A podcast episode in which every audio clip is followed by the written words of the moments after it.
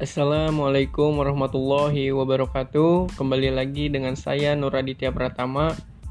Pada kesempatan kali ini saya akan menjawab soal UAS fikih muamalah nomor 4. Nah, soal nomor 4 ini soalnya apa perbedaan ijaro dan ujrah?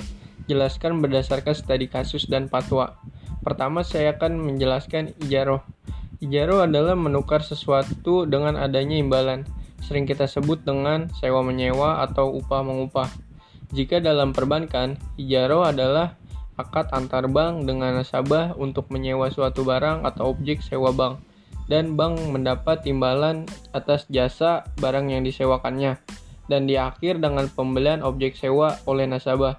Nah, ini berlandaskan oleh Fatwa Dewan Syariah Nasional Majelis Ulama Indonesia nomor 9 tahun 2000 tentang pembiayaan ujrah atau ijaroh.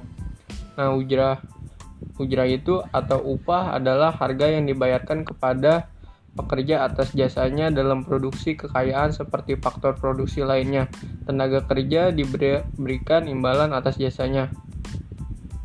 Upah dapat didefinisikan sebagai harga yang dibayarkan pada pekerja atas pelayanannya dalam memproduksi kekayaan.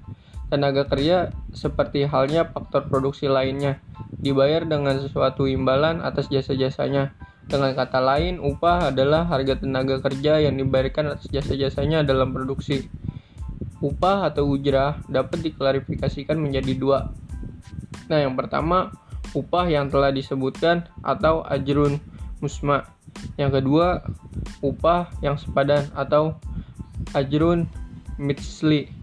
Nah, upah yang telah disebutkan ajrun musma itu syaratnya ketika disebutkan harus disertai kerelaan kedua belah pihak yang bertransaksi.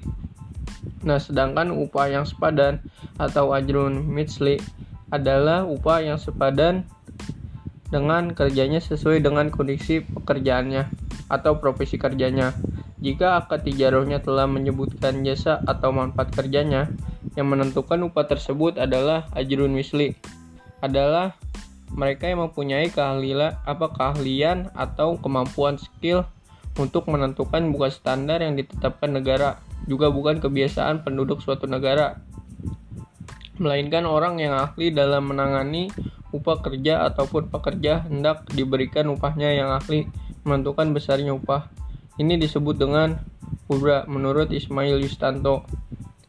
Nah, selanjutnya upah atau ujrah adalah setiap harga yang diberikan setiap apa harta harta yang yang diberikan sebagai kompensasi atas pekerjaan yang dikerjakan manusia baik berupa uang atau harga yang memiliki nilai harta atau mal yaitu setiap sesuai yang dapat dimanfaatkan Upah adalah imbalan yang diterima seseorang atas pekerjaannya dalam bentuk imbalan materi di dunia atau adil dan layak dan dalam bentuk imbalan pahala di akhirat atau imbalan yang lebih baik.